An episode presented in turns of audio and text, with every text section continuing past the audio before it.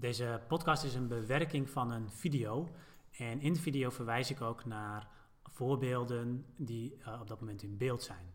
Deze kun je terugvinden op onze website www.corporatiestratege.nl. En als je dan helemaal onderaan de pagina de titel van deze podcast invoert, dan kom je op de bijbehorende blog en daar vind je ook de voorbeelden die ik noem.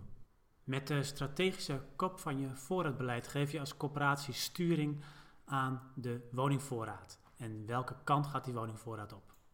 Mijn naam is Ritske Dankert van de Corporatiestratege en in deze nieuwe podcast wil ik het met je hebben over de strategische kop en wat zit erin, hoe ziet het er precies uit en hoe maak je dat?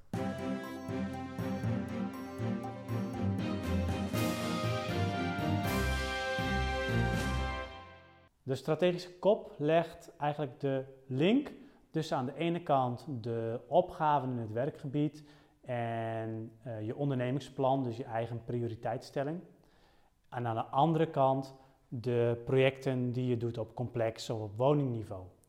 En met projecten bedoel ik dan niet alleen renovatie, sloop, nieuwbouw, dat soort zaken, maar bijvoorbeeld ook dat je complexe um, ja, specifiek voor één doelgroep aanbiedt of dat je ze in een bepaalde huurprijsklasse houdt of uh, brengt. De strategische kop maakt die schakel. Hè, dus die stelt de prioriteit en die vertaalt dat dan naar um, de, ja, de, de, acties die je eigenlijk op complex niveau of op woningniveau wilt doen.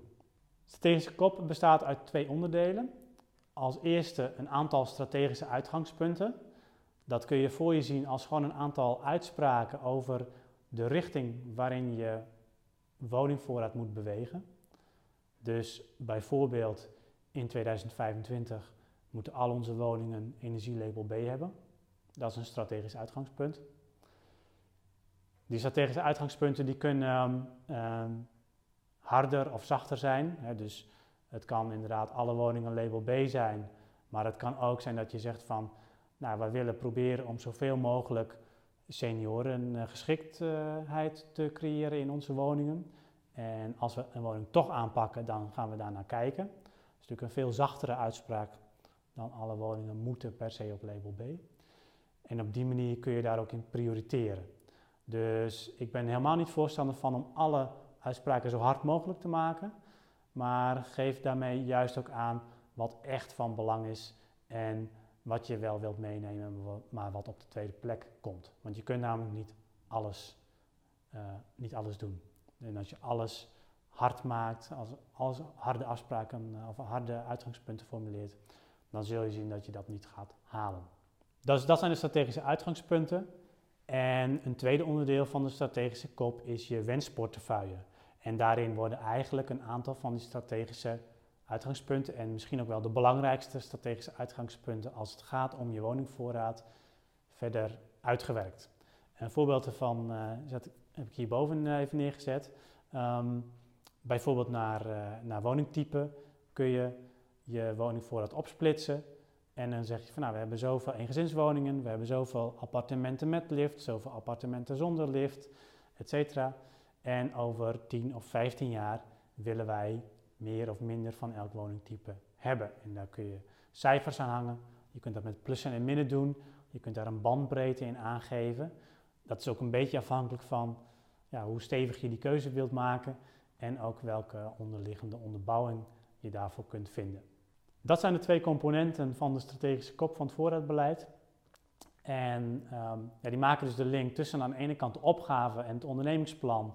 Dus die zul je ook moeten betrekken bij het formuleren van die strategische uitgangspunten en je wensenportefeuille.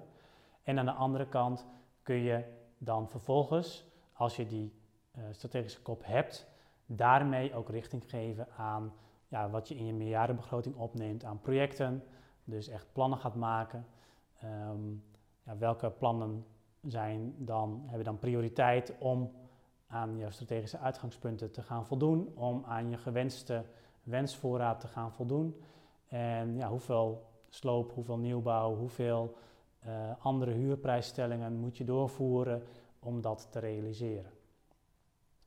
Dus dat is de plannen maken, het plannen maken uh, gedeelte eigenlijk. En aan de andere kant kun je het ook gebruiken, die wensportefeuille en die strategische uitgangspunten, op het moment dat er een concreet projectvoorstel voor ligt in het MT.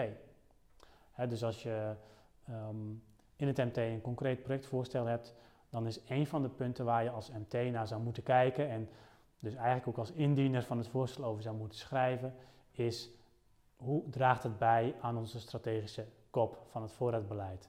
Draagt het eh, bij aan meer woningen op label B? Draagt het bij aan meer of minder eengezinswoningen?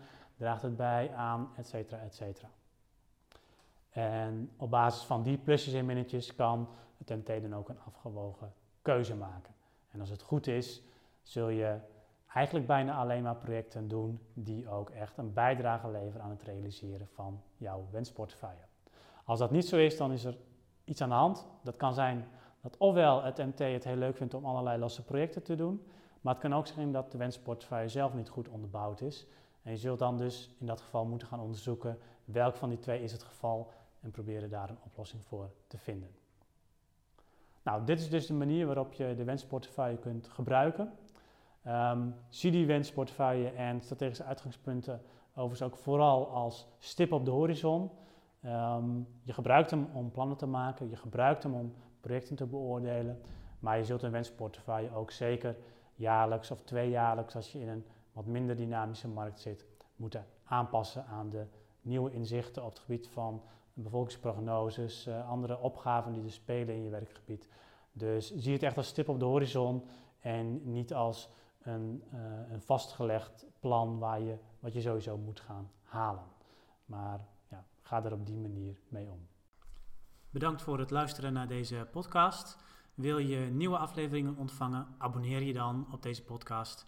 En kijk ook eens op onze website corporatiestratege.nl voor meer praktische tips en downloads die jouw werk als corporatiestratege makkelijker maken.